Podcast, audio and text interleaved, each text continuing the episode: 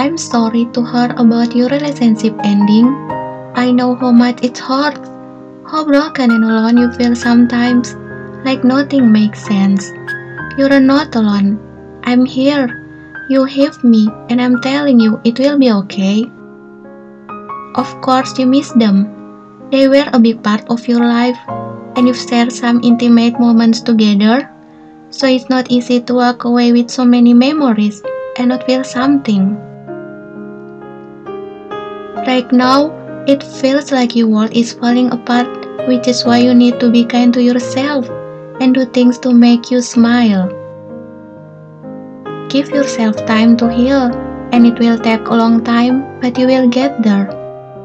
You have me, talk to me, and I listen. You're not alone.